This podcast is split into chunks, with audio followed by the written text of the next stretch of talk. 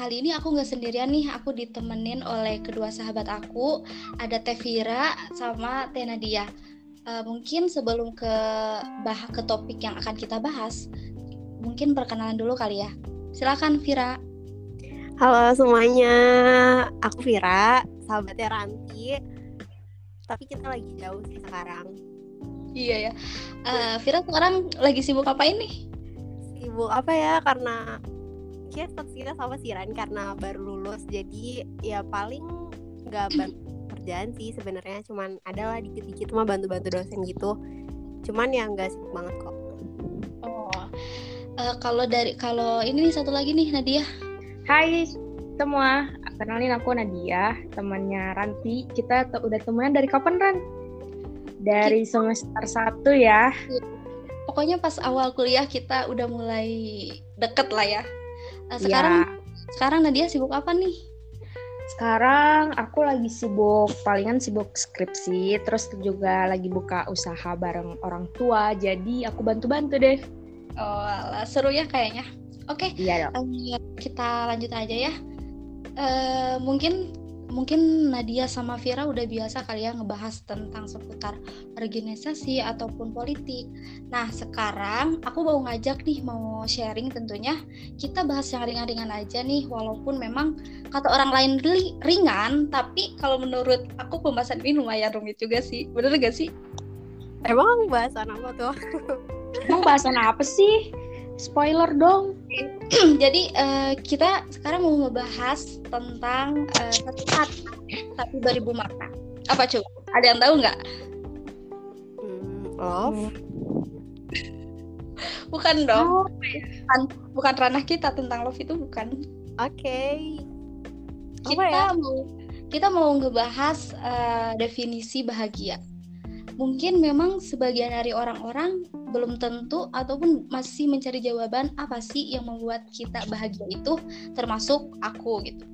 Uh, mungkin teman-teman di rumah ketika mendengarkan podcast ini bisa nih sambil tiduran ataupun sambil nyemil sambil makan sambil apa pun juga boleh. Karena memang uh, podcast ini hanya untuk sekedar sharing aja gitu. Nah kita lanjut nih ke pertanyaan yang pertama mungkin uh, aku pengen tahu pandangan ataupun ya sedikit sudut pandang dari Nadia sama Vira mengenai definisi atau arti bahagia yang sesungguhnya menurut kalian. Mungkin uh, bisa teh eh, bisa Vira dulu kali ya. Um, definisi bahagia menurut aku ya. Uh, tapi ini jujur sebenarnya uh, ini pandangan aku aja sih. Dan kalau memang ada nanti ke depan ada pembahasan atau misalkan kalimat-kalimat aku yang kurang berkenan uh, mohon maaf karena jujur ini dari aku sendiri. Kebahagiaan kalau Ranti bilang tadi ini ringan sebenarnya ini berat juga sih. Soalnya soalnya menurut aku ya bahagia itu kan luas banget luas iya. banget. Dan yang bisa ngedefinisiin bahagia tuh kan pasti diri masing-masing ya. Tapi kalau dari aku sendiri sih bahagia tuh sebenarnya apa ya pilihan mungkin ya bisa dibilang. Jadi tuh kayak bahagia kan pasti uh, relate-nya tuh sama momen gitu. Ada momen yang bikin bahagia momen yang bikin sedih gitu. Dan nggak semua momen yang orang lihat tuh membahagiakan sebenarnya bahagia buat dia sendiri gitu. Soalnya semua orang bisa mengartikan ataupun mendefinisikan kebahagiaan itu beda-beda ya. Tadi yang kata Vira definisi bahagia itu pilihan. Kalau misalkan menurut aku definisi bahagia itu uh, berdamai. Karena ketika kita sudah merasakan kata damai di dalam diri kita entah itu uh, berdamai dengan keadaan berdamai dengan lingkungan ataupun berdamai dengan takdir maka bahagia itu akan muncul gitu. Itu kalau dari aku sih. Mungkin uh, kalau dari pandangan Nadia gimana nih tentang definisi bahagia hmm bahagia ya. Sulit sih buat didefinisikan. Kalau kita uh, apa namanya mendefinisikan sesuai dengan misalnya kayak kata psikolog ini bahagia itu seperti ini psikolog ini siapa bahagia itu seperti ini. Bahagia itu menurut aku sendiri ya.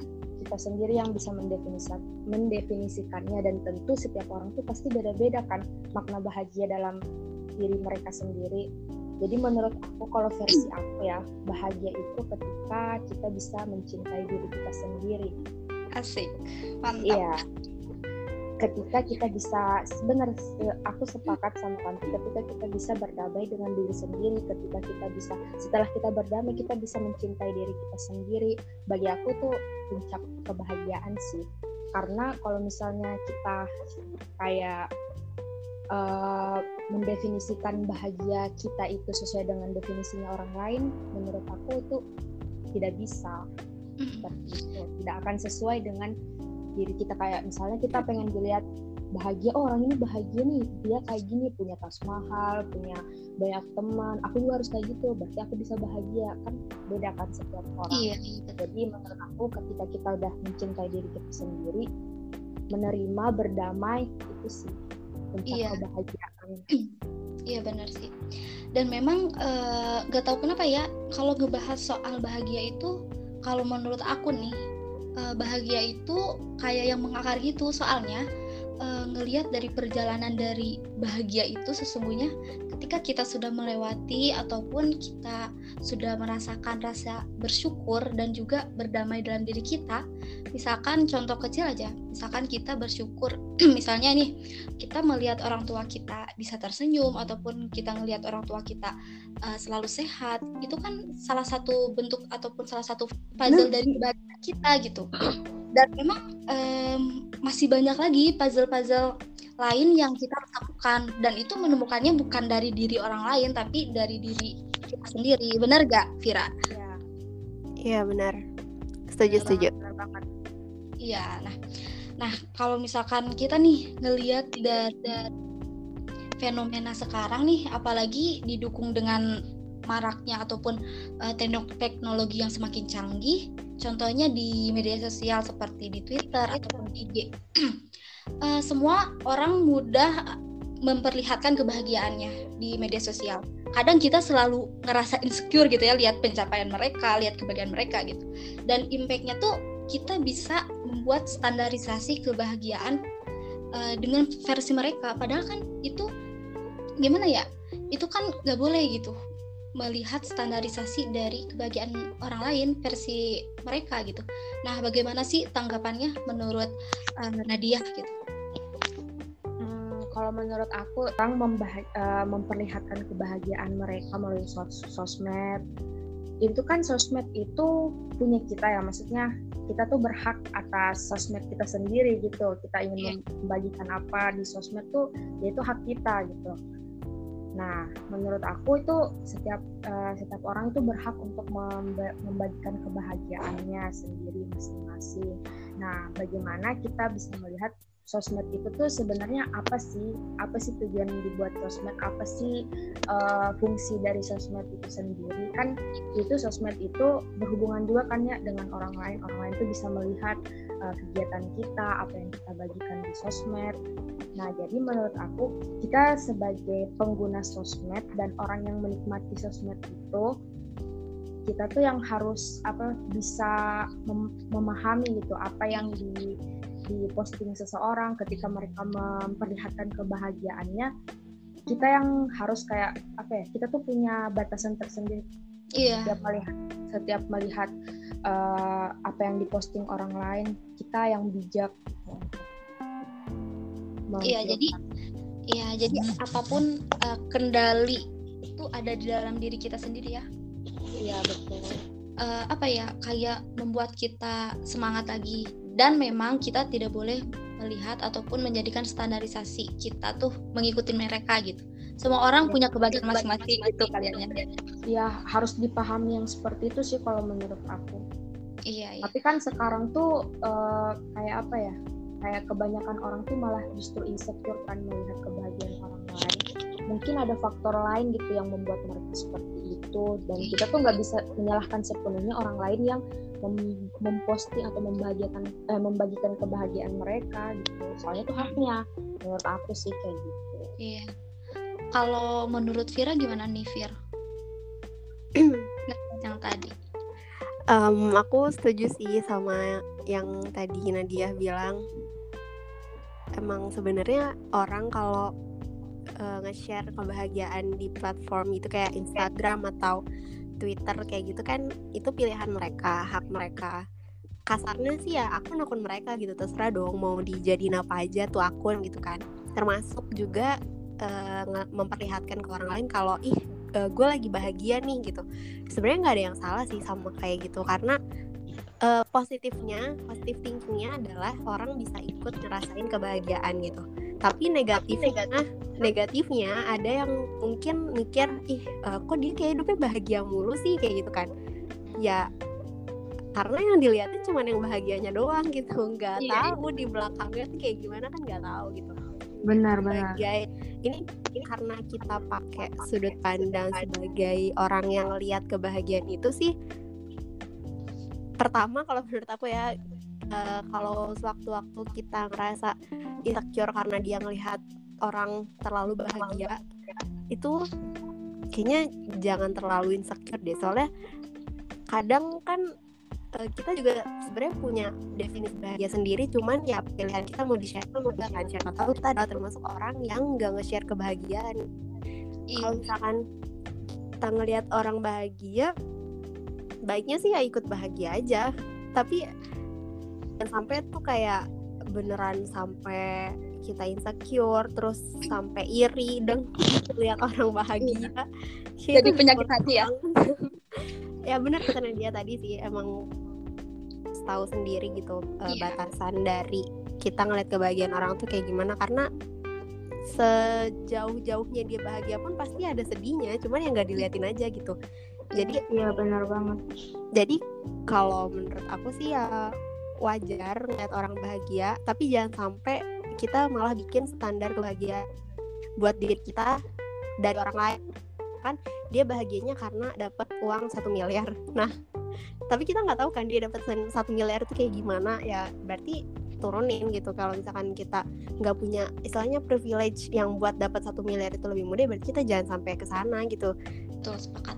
Memang karena e, beberapa orang juga menunjukkan ataupun memperlihatkan aspek kebahagiaannya saja gitu. Kita nggak e, mereka nggak men-share kalau mereka tuh e, misalkan hari ini lagi sedih kan enggak kan kan media sosial tuh hmm. untuk memperlihatkan e, bahagia kita aja gitu. Terus kalau misalkan kita berusaha mencari definisi kebahagiaan versi mereka, itu emang nggak boleh sih menurut aku. Karena ya balik lagi gitu, apa yang bikin orang lain bahagia belum tentu bisa membahagiakan kita dan sebaliknya gitu. Uh, mungkin untuk pertanyaan selanjutnya nih ya, salah nggak sih kita menaruh kebahagiaan kita kepada orang lain? Menurut kalian gimana? Hmm, salah, salah banget uh, kita boleh berharap tapi jangan sampai eh nggak gimana ya kita boleh berekspektasi ya tapi jangan sampai lah naruh kebahagiaan karena kan ekspektasi sama kebahagiaan sendiri sih kalau menurut aku agak dikit sedikit berbeda lah ya ekspektasi sama kebahagiaan. Tapi dua-duanya kalau bisa ya jangan ditaruh sama manusia. Mungkin ada quotes yang paling udah sering banget ya dibicarain tuh kayak uh, jangan pernah naruh ekspektasi sama siapa pun gitu kan. Hanya taruh ekspektasi itu sama Allah gitu.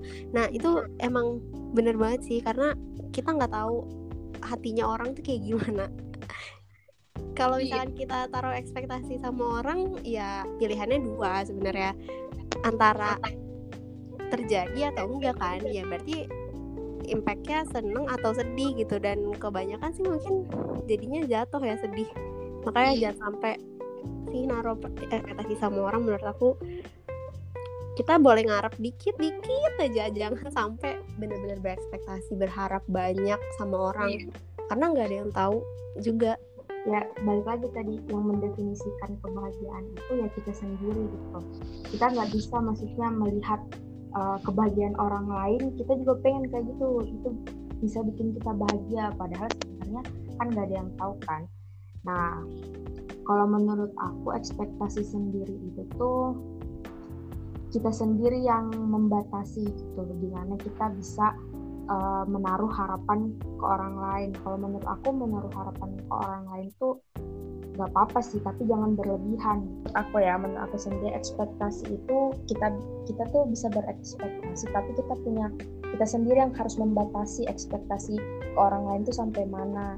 Tentunya tuh nggak boleh kan berlebihan untuk uh, menaruh harapan atau berekspektasi kepada orang lain. Menurut aku sih ekspektasi kepada orang lain tuh boleh sesuai dengan batasannya. Karena nih misalkan kayak kita tuh punya ber, kita tuh punya harapan ke orang ini ke sahabat kita. Kita pengen dia bisa jadi lebih baik. Itu kan termasuk doa juga kan doa harapan.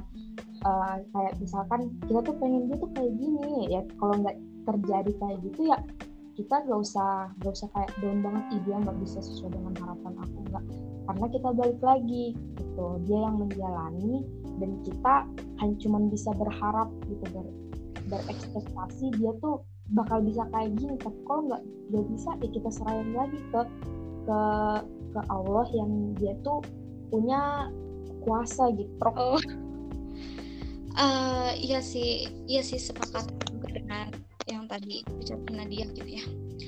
Terus juga uh, ada nih ada ungkapan kata-kata dia tuh bilang kalau misalkan bahagia itu selalu punya resiko Setuju nggak sih kalian dengan kata-kata itu? Kalau aku ini ya, kalau aku, aku setuju. Karena memang hidup itu bukan melulu tentang kebahagiaan ya, dan memang juga eh, di dunia ini kan uh, semuanya semuanya atau ataupun apa pun gitu ya memiliki konsekuensi dan itu normal. Misalkan kita nih kita sudah mencapai kesuksesan kita, kita sudah uh, dapat pekerjaan yang bagus, kita keuangan kita stabil ataupun berlebih gitu dan kita punya pacar yang yang sesuai harapan kita gitu ya. Dan memang itu itu semua pasti bakal ada konsekuensinya gitu. Konsekuensinya misalkan kita kerja, waktu kita udah habis di pekerjaan, waktu untuk keluarga kita kita korbankan gitu. Waktu untuk diri sendiri gak ada gitu. Bahkan untuk berbaring di kamar ketika uh, weekend ketika libur juga gak ada gitu. Itulah uh, memang untuk mencapai kebahagiaan itu pasti pasti memiliki resiko gitu. Oh setuju sih sama yang tadi Ranti bilang kalau bahagia tuh punya resiko. Iya. Iya tadi yang misalkan kita ini contohnya aja misalkan kayak kebahagiaan aku adalah uh, nyelesain skripsi misalkan Nah, terus uh, kayak misalkan kita mau nyelesain skripsi itu kan uh, harus ngorbanin waktu, ngorbanin jam tidur, ngorbanin jam main, ngorbanin nonton, ngorbanin dengerin musik, semua dikorbanin kan. Ngorbanin keluarga juga bisa aja. Tapi aku selalu yakin sih kalau uh, porsi kebahagiaan sama kesedihan orang tuh balance gitu loh. Jadi kalau misalkan hari ini kita bahagia, pasti besok atau besoknya lagi tuh kita ada sedihnya gitu jadi nggak mungkin kan orang hidup selamanya bahagia terus setuju, orang hidup setuju. sedih terus jadi kayak ada selalu ada selalu ada yang kalau hari ini sedih ya mungkin bahagianya besok kalau misalkan hari ini sedih besok sedih besoknya sedih lagi ya bahagianya mungkin bulan depan gitu iya. jadi ya itu sih mungkin kesedihan itu yang bisa dibilang sebagai resiko juga sih. Karena kalau misalkan kita bahagia mulu kan hidup ya lurus aja ya nggak nggak iya. seru gitu kan. Kalau kita sedih mulu juga ya kasihan. Tapi sebenarnya bisa aja kesedihan itu kita definisikan sebagai kebahagiaan ya tergantung tergantung pilihan orang yang mau dia bilang itu bahagia atau sedih. Cuman aku selalu yakinnya kalau kebahagiaan sama kesedihan orang tuh selalu balance gitu. jadi kalau hari ini bahagia mungkin besok atau besoknya ada sedihnya gitu. Hidup tuh nggak mungkin kita bahagia selamanya gitu. Pasti uh, dibarengin dengan ke kekecewaan kesedihan uh, kegagalan pun kebahagiaan. Jadi uh, ini kayak semacam variasi kehidupan aja kali ya gitu. Kalau dari, dari Nadia tuh gimana Nadia? Kalau menurut aku mungkin aku menggambarkannya bukan resiko sih tapi kebahagiaan itu butuh usaha hmm. maksudnya adalah kalau misalkan kita tadi uh, merujuk ke contohnya Vira ya yang bilang kalau misalnya uh, apa tadi tuh yang untuk kita bahagia tuh pasti ada sedihnya, ada senangnya, resikonya itu tuh. Tapi kalau aku memaknainya gini sih, sedih dan kecewa dan lain-lainnya itu adalah uh, sebuah proses dan usaha yang kita lakukan untuk mendapatkan kebahagiaan gitu. Hmm. Kalau misalkan kita menggambarkannya sebagai usaha nih, kalau misalkan uh, dalam pemikiran aku ya, itu tuh kayak lebih bisa memotivasi kita gitu untuk untuk memaknai proses itu, proses menuju kebahagiaan itu sebagai sebuah proses yang harus dihargai gitu. Karena kita memaknainya sebagai usaha. Nih, karena emang waktunya mepet kayak kita sebenarnya masih banyak pertanyaan-pertanyaan tapi uh, waktunya tidak memungkinkan. Paling ini pertanyaan yang terakhir nih. Uh, kalian uh, apa sih yang ingin disampaikan untuk orang-orang yang memang masih belum menemukan kebahagiaannya masing-masing? Buat mungkin buat yang dengar podcast ini lagi bertanya-tanya apa sih kebahagiaan aku gitu? Apakah aku layak buat bahagia gitu? Kalau aku sih sebenarnya tipe orang yang uh, mendefinisikan kebahagiaan tuh ya, untuk hal-hal kecil. Hal-hal kecil juga tuh gampang sebenarnya bikin aku bahagia. Lihat foto idol juga aku udah bahagia. Iya, iya, iya. Bener bener ya, bener bener banget. Bener kan? Ya, maksudnya uh, bahagia tuh nggak harus uh, berimpact besar lah buat diri. Sampai kayak misalkan harus mengubah perekonomian negara nggak usah. Kayak ya buat diri aku sendiri aja gitu. Iya. misalkan uh, kalau aku ya kiat-kiatnya paling apa ya? Yang pertama tuh jangan terlalu ngelihat ke atas lah. Kayak eh ulangi ulangi. Yang tadi di cut. Cut cut cut. Cut cut oke. Oke gue bingung sumpah kiat-kiatnya apa um, kiat-kiat bahagia apa ya? Mungkin yang pertama um, kita lakuin aja hal-hal kecil kesukaan kita apa pun apa pun. Misalkan uh, kalau hobinya nonton ya udah nonton dulu aja gitu. Kalau misalkan lagi sedih dikit pengen nonton ya nonton aja gitu. Nggak usah mikirin yang lain-lain tuh menurut aku itu juga salah satu uh, sumber kebahagiaan. Terus jangan terlalu lihat orang lain sih karena uh, balik yang tadi ya kan orang tuh banyak yang suka menstandardisasi kebahagiaan atas kebahagiaan orang lain gitu. Nah menurut aku ini sih yang harus dikurangin karena kan bagian kita sama kebahagiaan mereka tuh beda. Jadi uh, kurang-kurangin kita ngelihat uh, sesuatu yang emang bikin kita tuh gedek sendiri gitu. Jadi yeah. boleh boleh lihat orang lain boleh tapi ya harus kita bisa uh, berkaca juga kalau kita tuh bisa loh bahagia dengan uh, caranya yang nggak kayak gitu juga bisa gitu. Hmm. terus hmm, apa lagi ya? Tadi paling cari hal-hal yang disukain terus uh, lebih kalau aku ya mungkin lebih bersyukur sih lebih bersyukur atas apa pun yang udah kita dapetin hari ini kemarin kemarin walaupun misalkan hari ini kita sedih. Tapi kalau bersyukur seenggaknya alhamdulillah ya hari ini aku makan pakai makanan yang aku suka. Itu juga sebenarnya kebahagiaan sih. Hal-hal yeah. kecil yang kayak gitu sebenarnya juga bikin bahagia. Jadi jangan lupa bersyukur. Terus uh, lakuin hal kecil yang kita senengin itu juga mungkin udah jadi kebahagiaan tersendiri. Dari Nadia gimana Nadia Uh, kalau aku sebenarnya Viro udah ngerangkum semua sih ya. Iya, gitu, dia tuh udah udah ngerangkum iya, gitu. Iya, udah ngerangkum. Cuman aku mau nambahin sih, uh, mungkin kalau misalkan dari sisi aku ya, aku yang memberi kiat-kiat atau aku juga bisa jadi kita tuh semua belum belum sampai pada tahap uh, selesai dengan diri kita gitu. Kita iya. selesai dengan diri kita itu ketika kita istirahat itu mati baru selesai kan iya iya nah makanya kayak apa ya uh, aku pengen nambahin aja kayak misalnya ya dengar tadi yang paling penting sih biar bisa bahagia itu syukur sih syukur malah pada level paling tinggi syukur itu ketika kita dapat musibah tuh kita bilang alhamdulillah itu syukur level paling tinggi dah menurut aku ya aku yeah, yeah. Katanya nih misalkan ada teman kita yang mati atau misalkan kucing kita mati nih. Nah kita tuh uh, orang yang punya syukur paling tinggi itu dia bakal bilang alhamdulillah innalillahi wa inna ilaihi rajiun. Jadi bersyukur dulu baru uh, mendoakan gitu kepada Allah tuh semua bakal kembali gitu. Jadi menurut aku ketika sudah sampai pada tahap syukur itu itu bakal bahagia sesedih apa pun cobaan kita. Misalkan kita dikasih cobaan lain tapi kita bersyukur itu bakal ada tenang dan bakal bahagia aja gitu hatinya. Jadi memang uh, banyak banget ya uh, ilmu gitu. Kayak walaupun sharing-sharing uh, ringan ini tapi uh, setidaknya bisa membuka mindset kita gitu tentang definisi apa sih itu bahagia uh, mungkin untuk kesimpulannya di sini memang uh, dalam tujuan hidup kita kita sibuk mengejar suatu kebahagiaan. Dan itu menurut aku adalah salah satu hal yang sia-sia. Karena memang uh, tidak ada ya hidup yang selalu dengan kata bahagia aja. Kadang kita kecewa, kadang kita nangis, kadang kita sedih, dan kadang kita bahagia gitu. Dan intinya hidup bukan melulu tentang kebahagiaan. Sepakat gak dengan itu? Sepakat. Sepakat, sepakat.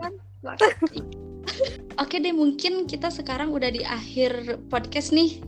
Uh, aku mau mengucapkan terima kasih banyak buat Nadia sama Vira karena udah nyempetin waktu uh, di kesibukan kalian gitu. Makasih banyak ya guys. Semoga kita sama bisa membuat podcast-podcast yang bermanfaat lagi gitu. Siap nggak? Siap dong. Siap dong. Apa okay. sih yang nggak buat pendengarnya Ranti? Asik. Apa sih Agak makna ini? Iya iya. Uh, ya udah. Uh, terima kasih kalian. Terima kasih juga untuk semuanya yang ada di rumah. Bye.